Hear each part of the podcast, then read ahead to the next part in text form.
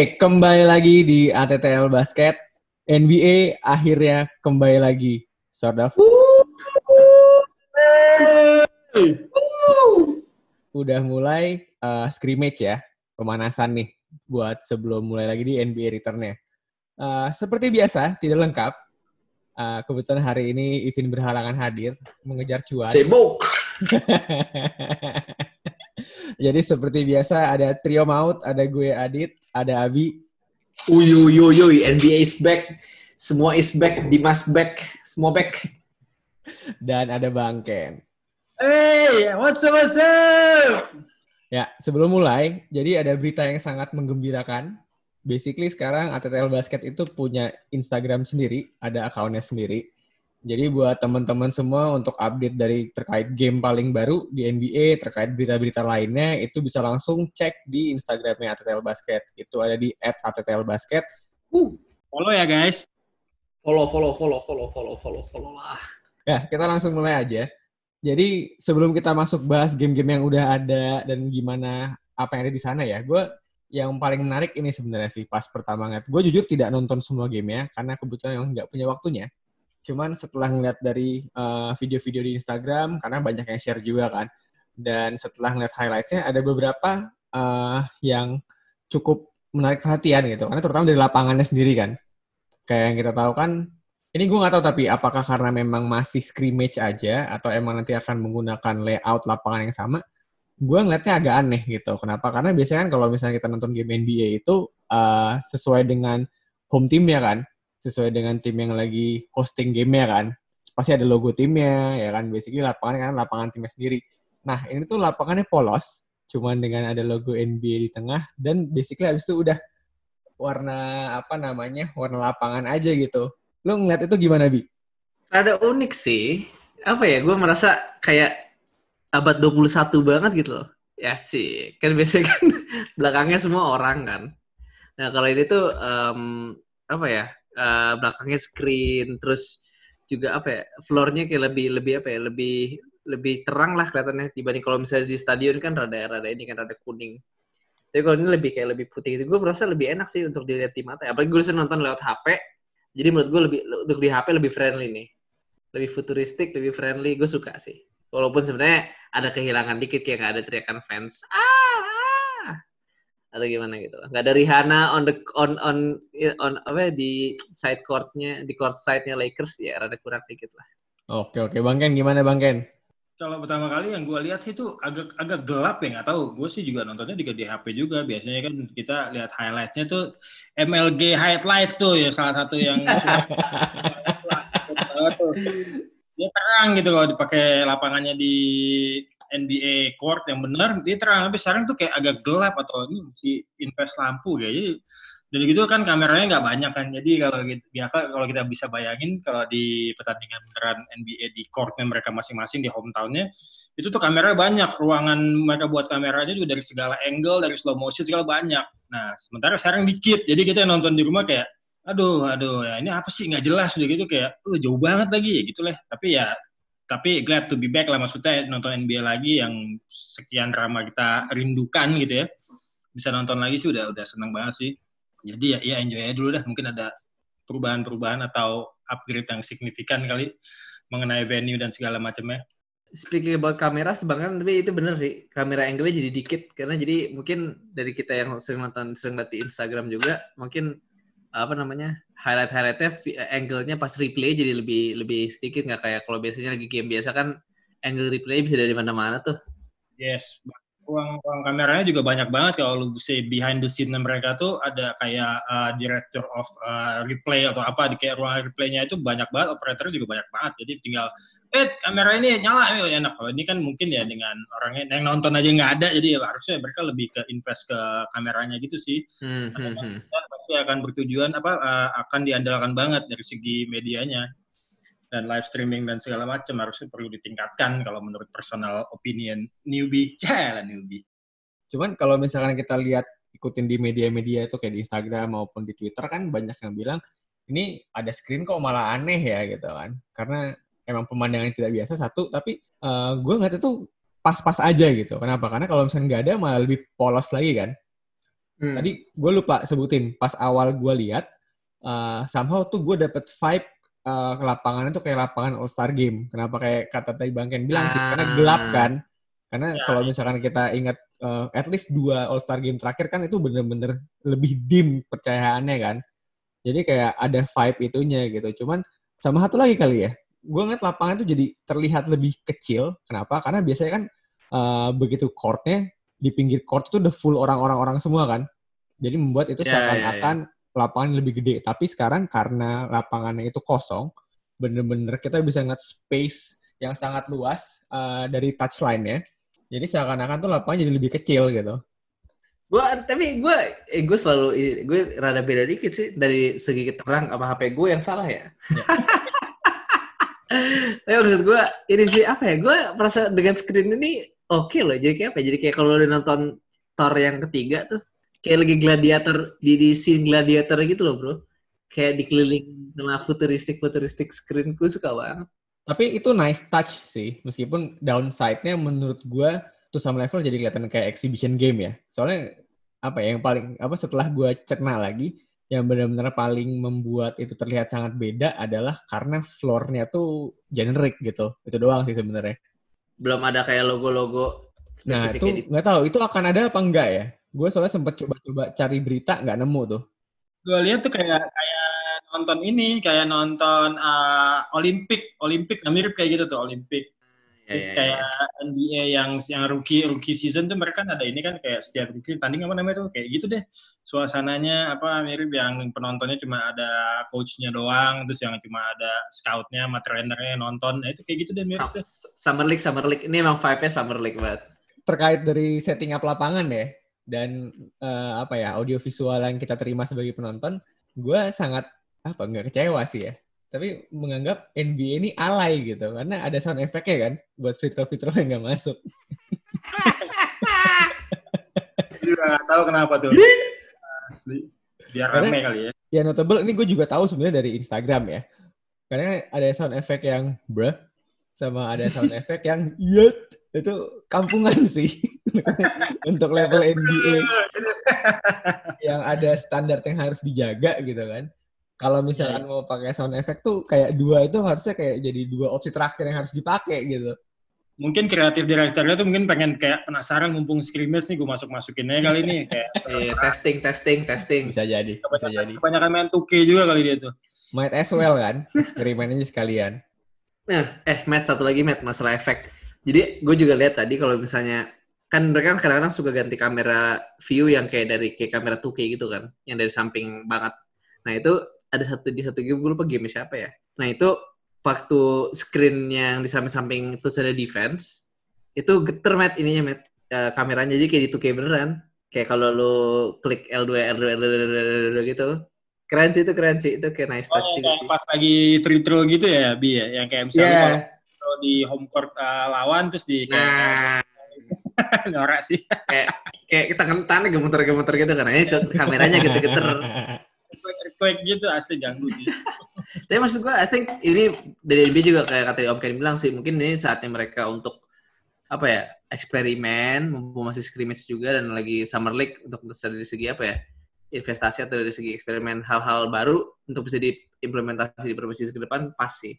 Jadi yang menarik itu nggak cuma lapangannya aja, setting up di lapangannya juga gitu kan, tapi pemain-pemainnya juga gitu. Karena uh, seperti yang kita tahu kan pemain NBA itu mereka bisa dibilang rapih ya, Uh, sangat memperhatikan penampilannya gitu kan. Sangat jarang kita ngeliat pemain-pemain yang bisa dibilang nggak rapih. Kalau misalnya mereka nggak rapih itu bisa dibilang part of the style gitu, karena itu emang sesuatu disengajain kan.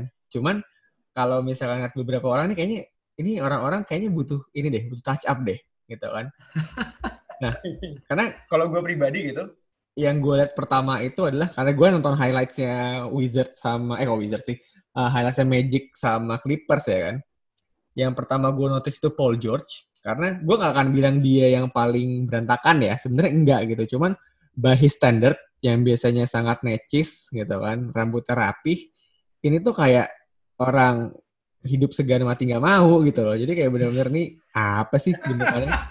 Sama yang kedua, yang kedua sebenarnya rapi gitu. Cuman gue sangat melihat ini tidak cocok untuk dia gitu. Gue Aaron Gordon. Gue ngeliat Aaron Gordon di Conroe tuh aneh gitu. Nah, kebetulan lu bahas uh, mengenai Clippers games tadi, gue ada satu satu banget tuh yang yang yang sebenarnya sih ya, emang gue udah lama juga nggak ngeliat dia, cuma begitu ngeliat dia comeback tuh, ada di Clippers juga uh, one good additional player gitu buat buat Clippers itu si Joakim Noah asli. Rambutnya kalau lu perhatiin kalau ada yang bisa ngelihat highlightnya dia terus kita zoom zoomin dia dari deket tuh rambutnya tuh dengan gaya main dia agak-agak bongkok gitu terus yang gondrong-gondrongnya ke mana-mana terus yang kayak ya ada kiri ada kanan gitu kayak terus jenggotnya terus semua. Ya kita tahu sih mungkin kita pandemik gini ya tapi mungkin dia perlu potong rambut tuh kayak penting tuh dia. Di jenggotnya juga kalau kita kalau boleh kasar sih ngomong kayak kayak homeless lah. Cuman dia bininya nggak perhatiin kali itu ya pacar itu nggak perhatiin kali. Pacarnya tidak tidak ini kali tidak mementingkan inilah apa bentuknya Joakim mungkin?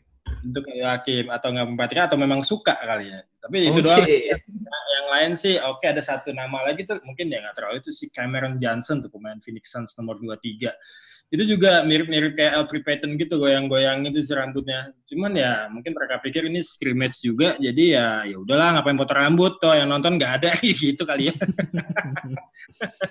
Kocak sih tapi Um, gue yang paling menyajikan satu yang perlu potong rambut kalau bisa gue bayarin deh. Itu si Derek White sih. Itu benar kayak kalau Joakim masih diikat ya. Ini benar udah kayak cuma pakai headband doang gombal-gombel. Wah itu udah parah banget sih rambutnya panjang. Nggak keramas kali itu ya. Nah, menurut gue menurut gue enggak sih kayak malas ngeringinnya sih. Udah kayak juga kalau misalnya ada yang hilang bolpen atau apa mungkin dugaan pertama ya nyangkut di rambut Doski sih. Langsung di rambut dia. Aduh, itu satu. Oh, yang ada dua lagi nih duet Sacramento Kings yang gue liat kemarin yang rada kayak anak kuliahan malas potong gitu. Gak ada duit. Si Nemanja Bierika sama Bogdan Bogdanovic. Itu bener-bener kayak anak kuliahan bule yang umur 18-19an gitu. Baru pas dari rumah, pengen gondrong kan. Udah deh kayak gitu deh bentuknya. Dan menurut gue itu ya haruslah mereka main-main ke barbershop di bubble-nya NBA. Mestinya mereka berdua tuh nyontoh ini di Aaron Fox. Dan Fox yang tadinya rambutnya super kayak super saiyan gitu kan akhirnya dia potong pendek kan meskipun dia nggak main ya. Itu mesti jadi contoh tuh karena dia rapi sekarang kan. Oke, kita geser lagi. Mungkin kita nggak bakal bahas uh, semua game in detail gitu ya. Cuma kan seperti yang uh, jadi ekspektasi orang-orang itu kan pasti setelah uh, return nih, apalagi awal-awal di scrimmage ini kan pasti banyak yang karatan ya. Cuman gue ngeliat tuh ada beberapa orang gitu kan, orang-orang yang mungkin bisa dibilang sesuai dengan ekspektasi mereka kali ya, karena standar permainannya tinggi dan setelah balik ke uh, eh, NBA ini di scrimmage ini, meskipun baru satu game ya sampel size-nya ya, kelihatan kayak ya udah kayak nggak habis break uh, lima bulan gitu kayak nggak ada apa eh lima bulan nggak uh, break hampir lima bulan gitu tapi tetap main kayak biasa aja gitu kan. Yang pertama gue ngeliat Paul George sih. Meskipun dia main emang cuma bentar ya. Cuman kalau misalkan dari uh, sebatas yang gue hi- ngeliat highlightsnya, gue juga nggak hafal statsnya gitu kan, stats lainnya. Bener-bener kayak nggak kelihatan karatan gitu. Karena on the other side gue ngeliat Kawhi, mungkin nggak karatan, tapi ya tidak terlihat interested lah terkait dengan game itu. Jadi seadanya aja gitu. Sama satu lagi ini, uh, Yanis gitu kan he picked up where he left off gitu. Jadi bener-bener bener-bener nggak kayak orang yang habis break lama gitu. Dari lo ada nggak sih bi yang notable bi? Gue ini sih gue kayak game pertama yang gue nonton karena dia tanggal 22 tuh waktu itu gue bangun udah siang tuh game Miami terus gue nyalain wah gue ngeliat Duncan Robinson wah tuh orang kayak kayak nggak nggak didn't miss a at all gitu dia benar-benar kayak performance bagus terus juga shooting formnya ya emang kayak shooter saya emang nggak akan ini sih shooter shooter will shoot lah dia menurut gue ini satu yang nggak nggak apa ya nggak nggak kelihatan karatan lah setelah setelah ini setelah apa namanya setelah NBA uh, eh, COVID kemarin berhenti. Menarik, menarik. Kalau Bang Ken gimana Bang Ken? Kalau yang gue sih nggak banyak nonton uh, pertandingan apalagi scrimmage gini, apalagi mereka kan uh, buat scrimmage ini itu kayaknya pemain-pemain intinya itu nggak nggak banyak pasti nggak bakal dikasih menit yang banyak. Jadi buat second line up-nya banyak lebih banyak menitnya main. Jadi uh, tapi ada satu nama itu gue masih lihat oh gila masih jago banget tuh masih kayak spin up spin up masih step back step back yang masih jalan tuh si Luka Doncic. Asik kalau oh juga mantap tuh Gila dia mainnya tuh kayak liquid banget walaupun dia kalau di noticeable tuh agak agak gemukan tuh, kelihatannya lebih bohai gitu ya. Cuman buat gerakannya tuh kayak still there dan dia still one uh, mesmerizing uh, uh, apa namanya pemain muda yang sangat menonjol banget di pada saat sebelum pandemik mulai. Tapi begitu mulai setelah pandemik yang udah selesai gini, walaupun belum selesai tapi kan NBA di, di, di return lagi back lagi dia tetap seperti dia yang sebelumnya dengan step back itu masih ada terus kayak three pointnya terus passing passingnya yang benar-benar amazing itu masih ada gitu. Keren sih dia sih. Udah gitu menang lagi. Nah, paling penting awalnya Lakers kali kan ada Walaupun kita ngeliat, walaupun kita ngeliat di belakang di behind the scene itu Luka Doncic sama Boban tuh kayak cuman kayak goofing around gitu dua-dua kan kayak ya main tapi yang game block game blockannya gitu deh. Tapi giliran main tetap jago asli parah. Ini si Boban juga mantep tuh kemarin eh, waktu main kan. Gua kalau yang apa gamenya Lakers Mavericks tadi ya, yang menarik ini sih, gue ngeliat Boban itu ngeblok Dwight Howard, dia nggak lompat, kurang ajar sih. Iya dia tinggi banget. Jadi dua itu udah loncat, Boban ngebloknya cuma dengan apa ngangkat tangannya doang, udah diblok dua tangan. Hebat, luar biasa. Sama ini Matt, kalau ngomongin hot hands lagi di Dallas, kita nggak sopan lah kalau nggak ngomongin si the other splash brother. Steph Perfect bro dia. Slash. Aduh, dia waiters ya, waiters island. Eh, oh. dia juga oke. Okay. nggak, Seth Curry, Seth Curry, Seth Curry. Ya, nggak miss dari field loh. Ya. Oh iya, iya perfect. Perfect.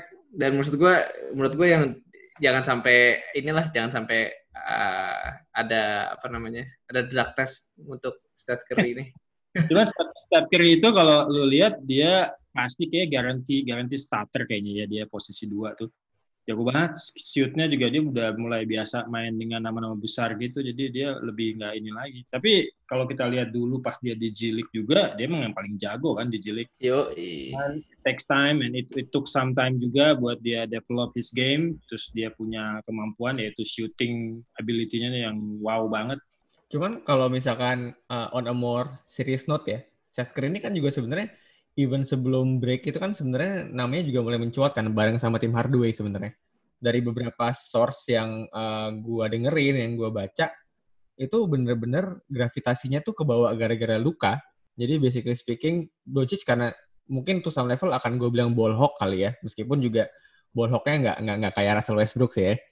Jadi dengan gravitasi yang bisa dia bawa, untuk dia kick out keluar tuh opsinya ada tim Hardaway dan Seth Curry. Dan Seth Curry itu emang bener-bener sebagai spot up shooter iya oke okay banget sih gitu kan sesuai dengan role yang dia punya gitu. Dan kalau misalkan kebetulan itu uh, Lakers Mavericks salah satu yang tadi highlight sempat gue tonton juga gitu kan. Bener-bener setupnya tapi gue nggak tahu apakah ini emang pure karena masih scrimmage atau gimana karena gue ada ngeliat indikasi lazy defending ya gitu kan setiap kali uh, ball movementnya Dallas ada, somehow tuh dia selalu ketinggalan kosong kan, ditinggalin gitu aja gitu. Begitu dia dapat ya dia punya punya space yang enak gitu untuk shooting gitu. Nah, tapi Matt, kalau masalah Mavericks menurut gue ya, itu ada satu part juga di mana lu harus kasih kredit ke Rick Carlisle. Itu one of the best coaches in the league menurut gue, offensively ya. Selalu tim yang dia pegang dari zaman zamannya Detroit, di zaman dia di Indiana, sampai zamannya Nowitzki dia di juara 2011 sampai sekarang itu ini sih sistemnya caam lah kalau untuk masalah three point shooting. Selalu aja dia pasti milih pemain dan punya pemain tuh yang ya capable untuk ada yang bisa bawa bola. Kayak misalnya Steve Nash atau Billups dan juga bisa ada three point atau shooternya yang kayak Richard Hamilton lah yang kayak uh, Dirk Nowitzki. Sekarang ada Porzingis ada Hardaway ada Seth Curry jadi maksud gua emang Seth Curry pas nih di sistem kayak gini nih Uh, kan tadi kita ngomongin Mavericks nih, gue mau geser dikit gitu. Jadi kan ada uh, beberapa nama yang udah balik main lagi juga kan setelah absen yang cukup panjang gitu. Yang notable tuh kan di game Pacers lawan Trailblazers nih gitu. Kan Oladipo main lagi, uh, main lagi gitu kan. Oladipo sih bisa dibilang, gue sih ngeliatnya gini, bener-bener dia kayaknya main itu cuman buat mengamankan 3 juta dolar dia aja gitu. Ada aturan dari NBA kalau misalkan orang itu datang, lo wajib mainin kan Sementara kalau misalnya itu nggak dimainin, lu nggak bisa apa nggak bisa bayar gaji sisanya dia gitu. Dan di kontraknya Oladipo itu ada sisa 3 juta yang itu cuma bisa didapatin kalau dia main gitu. Soalnya kelihatan malas-malasan sih. On the other hand, gue sangat respect dengan Yusuf Nurkic gitu. Dia absen udah sangat lama gitu kan. Cuman ternyata masih bisa masih ada lah gitu. Nggak kelihatannya seka, sekaratan itu gitu untuk ukuran orang yang cedera parah gitu kan. bro respect lah sama Bosnian Beast itu gue bilang dari dari kemarin-kemarin kan. Pasti pasti pasti feasting dia. Jago banget orang itu. Ini banyak banget dia buat recovery berapa bulan? Hampir setahun lebih kali ya? Enggak ya? Kayaknya ya setahun lebih 20 20 berapa bulan gitu. Jadi kayak eh, berapa belas bulan 18 bulan. Tapi dilihat dari permainannya yang masih tetap uh, kayak dulu lagi sih oke sih dia. Gue juga agak-agak ngeri dulu kalau kita ngeliat cederanya. Itu kan bener-bener gor banget kan kayak uh, kayak Paul George gitu kan waktu cedera kan apalagi dia big man jadi play center dan dia banyak main pivot gitu pivot ball gitu jadi ya mungkin mudah-mudahan dia se- sehat terus kali ya Iya, iya, Oh. iya, iya. Ola Oladipo si Matt lu juga harus kasihan tau dia tuh mau nabung 3 juta tuh penting loh bagi dia. Dia mau pensiun dini mau jadi penyanyi kan. dia harus ngumpulin semua uang yang bisa dikumpulkan lah, semua insentif, semua klausa di kontraknya harus diklaim sama dia itu. kita ngomongin 3 juta 3 juta dolar tuh kayak 3 juta rupiah ya 3 juta dolar Gila lu mau pensiun dini udah sih jadi penyanyi, ya harus lah. terlepas dari semua yang udah main kan masih ada juga ya nama-nama yang absen gitu kan. gue sebenarnya gue juga nggak akan nyebutin semua ya karena sebenarnya cukup banyak gitu kan. Kayak di Spurs kan ada beberapa nama emang standar ya gitu kan. Eh, kayak Patty Mills kan diistirahatin. Jadi kayak buat Spurs, buat timnya Pop, kalau misalkan ada yang istirahatin pemain itu udah bukan suatu hal yang spesial lah ya. Jadi nggak perlu dibahas lebih dalam kan. Cuman terkait dengan Spurs kemarin yang menarik adalah Pop duduknya kan di bench kan. Yang megang timnya malah Becky Hammond. Ada yang merhatiin nggak? Iya iya iya.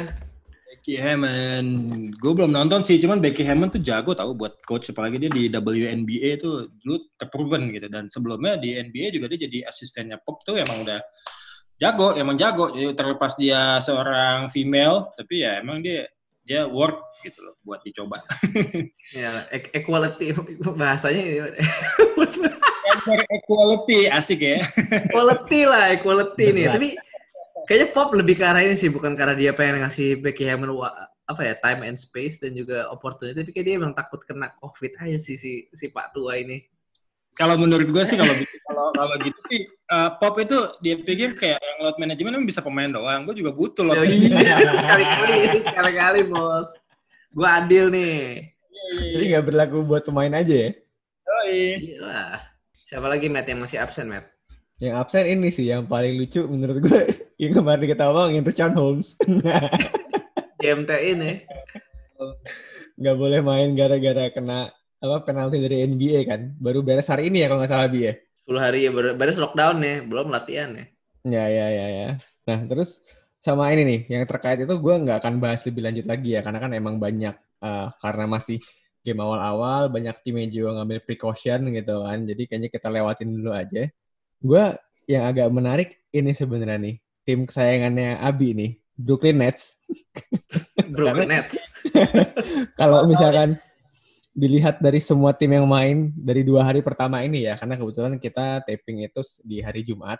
Dari semua tim yang ada, cuman Brooklyn Nets yang tidak mencapai poin 70 gitu. Itu such a mess sih gitu kan. Bi, kan tim kesayangan lo nih. Coba tolong dijabarkan gimana nih. itu lo kalau main ke nba.com terus main ke scoresnya lihat box score-nya Brooklyn Nets itu pemainnya tuh lu scroll nggak habis-habis bos. Karena kan masih ada nama-nama Kevin Durant, Kyrie Irving semua yang ngamen ditulis semua kan. Panjang jadi salah satu li- line up apa eh, list pemain terpanjang di box score yang pernah gue lihat sih. Tapi ya on that aside menurut gue mereka juga cuma shoot up 9 pemain. Jadi karena empat main barunya itu nggak bisa belum belum belum up to speed kalau kata Jack Vaughn. Jadi emang mereka masih taking it slow dan I think karena mereka punya nothing to lose dan mereka mau mencoba mengapproach ini secara apa ya? Secara eh, dengan penuh hati-hati lah nggak mau juga eh, mereka nge-push eh, pemain-pemain eh, yang kayak muda-muda dan baru-barunya supaya eh, terlalu cepat. Yang penting mereka enjoy dulu aja, kasih minutes ke yang emang uh, masuk ke long term plan kayak Karis Levert, uh, Kuruks atau Zanan Musa, Jared Allen, dan juga Timothy Lulu Kabaru. Dan menurut gue emang itu ya at this point dan karena si pelatih ini pun lagi quote unquote lagi audisi kan Matt ya. Hmm. Karena kan dia baru gantiin Kenny Atkinson jadi menurut gue I think he's gonna stick uh, with the players that he knows best itu players yang emang ada sebelum um, NBA itu break kemarin dan akan mencoba akan memasukkan si si si pemain-pemain baru ini ke Jamal Crawford, Justin Anderson secara pelan-pelan. Dan I think untuk fans Brooklyn Nets beneran di luar sana get ready for one bumpy ride aja sih di Orlando. Ya, ya, ya, ya. Nah, ini sekarang gue mau masuk ke game yang paling menarik menurut gue. Uh, Nuggets lawan Wizards. Mungkin kalau in terms of point sebenarnya nggak nggak bukan high scoring game ya. Cuman kan uh, kalau misalkan kita lihat starting lineup Nuggets itu kan sangat tinggi ya. Seorang Nikola Jokic itu listed sebagai seorang point guard gitu. Dan yang menarik adalah kita lihat nama Bol-Bol kan. Uh, ini kan bisa dibilang kan banyak yang meng, apa ya menyebut ini sebagai uh, countermeasure dari small ball yang Mike D'Antoni kan di Rockets gitu. Big balls, big balls nih, taktik big balls. Gue sengaja nggak mau nyebut itu. big balls. Nah, gue pengen ke dulu gitu kan. Lo ngeliatnya dengan uh, quote unquote eksperimennya Mike Malone nih terkait dengan uh, ya pemain-pemain besar ini, lo ngeliatnya gimana sih Bang Ken? Gue rasa sih dia karena dia memang di Nuggets uh, Denver Nuggets itu dipenuhi dengan banyak pemain-pemain tinggi yang badannya badannya gede dan mereka tuh emang skill gitu dan gue rasa sih ini jadi pilot projectnya si dia itu buat mengeksperimen tadi tuh yang big balls itu tadi tuh pengen banyak pengen showcase dia pengen uh, what apa dia dia bisa ngapain aja gitu dan memang kita seperti yang kita tahu kan Nikola Jokic itu memang sangat berbakat ya dari playmaking ability-nya dia. Jadi dia tandem dengan ball-ball yang tadi itu bagaimana tadi? Lawannya bro. lawannya juga nggak jelas. Sedih lawannya. gitu lawannya. Nah, Cuman nah. ada satu, satu pemain di Denver dia yang itu yang main banyak juga menitnya tuh yang biasanya di regular season dia nggak pernah dimainin tuh si Troy Daniels tuh. Uh, menitnya lumayan juga tuh kemarin. Dia satu-satu pemain yang kecil kali ya dibandingin yang lain. Kayaknya gara-gara ini juga sih si kayaknya si Mike Malone, Mike Malone ya Mike Michael Malone kan pengen apa pengen istirahatin pemain-pemain kecilnya tuh. Kayak biasanya kan pemain di posisi guardnya ada Gary Harris, Jamal Murray, terus ada siapa? Will Will Will Will the Thrill. Kayaknya pada kenapa pada ke mana itu Matt mereka? Iya kalau Jamal Murray kan gue cari beritanya nggak ada ya. Kayaknya sih emang diistirahatin aja. Cuman kalau misalkan Will Barton kan dia masih ini kan apa namanya abis cedera lutut. Jadi masih take precautionary cost juga. Gue nggak tahu yang ngambil Mike Malone atau emang dari Will Bartonnya sama kalau misalkan Gary Harris sama Tory Craig kan mereka habis ini kan masih recovery recovery COVID ya. Jadi mereka ah, belum selesai dari masa iya. karantina kan. Jadi kayaknya tuh kalau nggak salah di next game mereka udah bisa main. Cuma itu tadi dan kenapa tadi gue bilang sempat bilang quote unquote eksperimen karena memang opsi pemainnya Mike Malone juga nggak banyak gitu kan. Jadi sekalian aja dicoba gitu. Cuman uh, menurut gue ini cukup menarik. Kenapa? Karena kenapa Mike Malone berani ngelakuin ini? Karena kebetulan dia punya komposisi pemain yang pas gitu. Seperti yang kita yeah, tahu, yeah, Jokic yeah. tuh basically speaking bisa ngoper ke siapa pun dari mana pun kan. Kita bisa ngeliat dia flashy passes di bawah uh, ring lawan, tapi dia juga bisa ngasih tiba-tiba Hail Mary pass dari bawah ring sendiri gitu kan. Jadi bener-bener untuk ukuran orang-orang besar ini cukup menarik. Nah, yang gue kaget, ini kan pertama kali gue ngeliat game bol-bol ya. Di level NBA lah gitu kan. Meskipun tinggi, lengki, kurus kayak bapaknya gitu kan. Cuman ternyata dia ball handling skills itu lumayan ya. Gue nggak akan bilang yang bagus banget gitu. Tapi untuk ukuran orang sebesar setinggi itu bisa. Lo ini nggak? Gue ngeliat di highlightsnya dia. Jadi tuh dia nge habis ngeblok Troy Brown Jr. kan. Dia blok sendiri. Hmm. Dia dribble sendiri. Terus tiba-tiba dia point. ini three point gitu kan. Itu jadi bener-bener bener-bener menunjukkan kapabilitas dia gitu kan. Meskipun tadi gue rasa kalau misalkan udah di level yang uh, game-game yang lebih tinggi belum bakal keluar sih. Tapi uh, gue melihat satu momen itu aja ini agak ngeri nih gitu kan. Maksudnya terakhir yang gue bisa ngeliat kayak gitu kan level-level Kevin Durant kan dia kurus ya kan tapi nggak setinggi bol-bol ya. Tiba-tiba bisa bisa apa namanya uh, jumper dari mana aja gitu. Itu cukup menarik sih. Mantep ya tapi ini sih Matt lo harus ngeliat juga kalau misalnya lo perhatiin dikit. Jadi ini semua apa uh, ini semua bisa terjadi dan Nuggets mungkin bisa escape with the win karena satu lawannya, kedua mereka defense-nya tuh zone karena ya. apa ya kalau man to man kan ya itu pasti Millsap Jokic sejak lari sama guard-guardnya Wizards yang secepat Smith ya mudeng eh, modaro juga sih nanti pasti. Ya ya, itu juga yang gue notice sih karena ini semua kayaknya gara-gara Raptor sih. Satu yang gue notice tuh benar-benar zone defense tuh baik lagi ke NBA kan dan bener-bener buat Nuggets yang punya pemain gede-gede kayak gitu bisa dibilang ya bisa jadi advantage juga gitu. Berarti kemarin tuh paling kecil Jeremy Grant kan atau Millsap ya? Kalau nggak salah mereka Jeremy Grant, Jeremy Grant. Dua itu kan. Hmm. Jadi bener-bener itu tim yang secara defense versatile banget gitu dan itu ada faktor di mana seorang Nikola Jokic yang kita tahu defense-nya below average ya, itu ketutup oleh teman-teman satu timnya gitu kan. Cuman dari uh, game tadi itu Nuggets kan orang pada fokus ke bol-bol ya. Dari highlights yang gue tonton, justru paling menarik adalah gue ngeliat seorang Mason Plumlee habis dribble, semua temennya lari, dan dia harus bawa bola. Itu jelek banget asli. Gak ada bagus-bagusnya. Kaku-kaku gitu ya. Udah gitu dia pas kan turnover lagi. eh, tapi Plumlee gitu-gitu tuh Jokic ini loh. Jokic KW loh dia. Uh, maksud gue ini, dia secara di Portland juga dulu sempat jadi kayak full chrome gitu, Matt, mm -hmm. sistemnya. Jadi dia kayak passing ke either CJ atau uh, Dame kalau cutting gitu-gitu. Baru itu dia bisa jadi ini sih. Kalau jadi KW-annya, KW-annya Jokic bisa lah. Tapi ya bentuknya aja kayak apa, apa kayak Abri.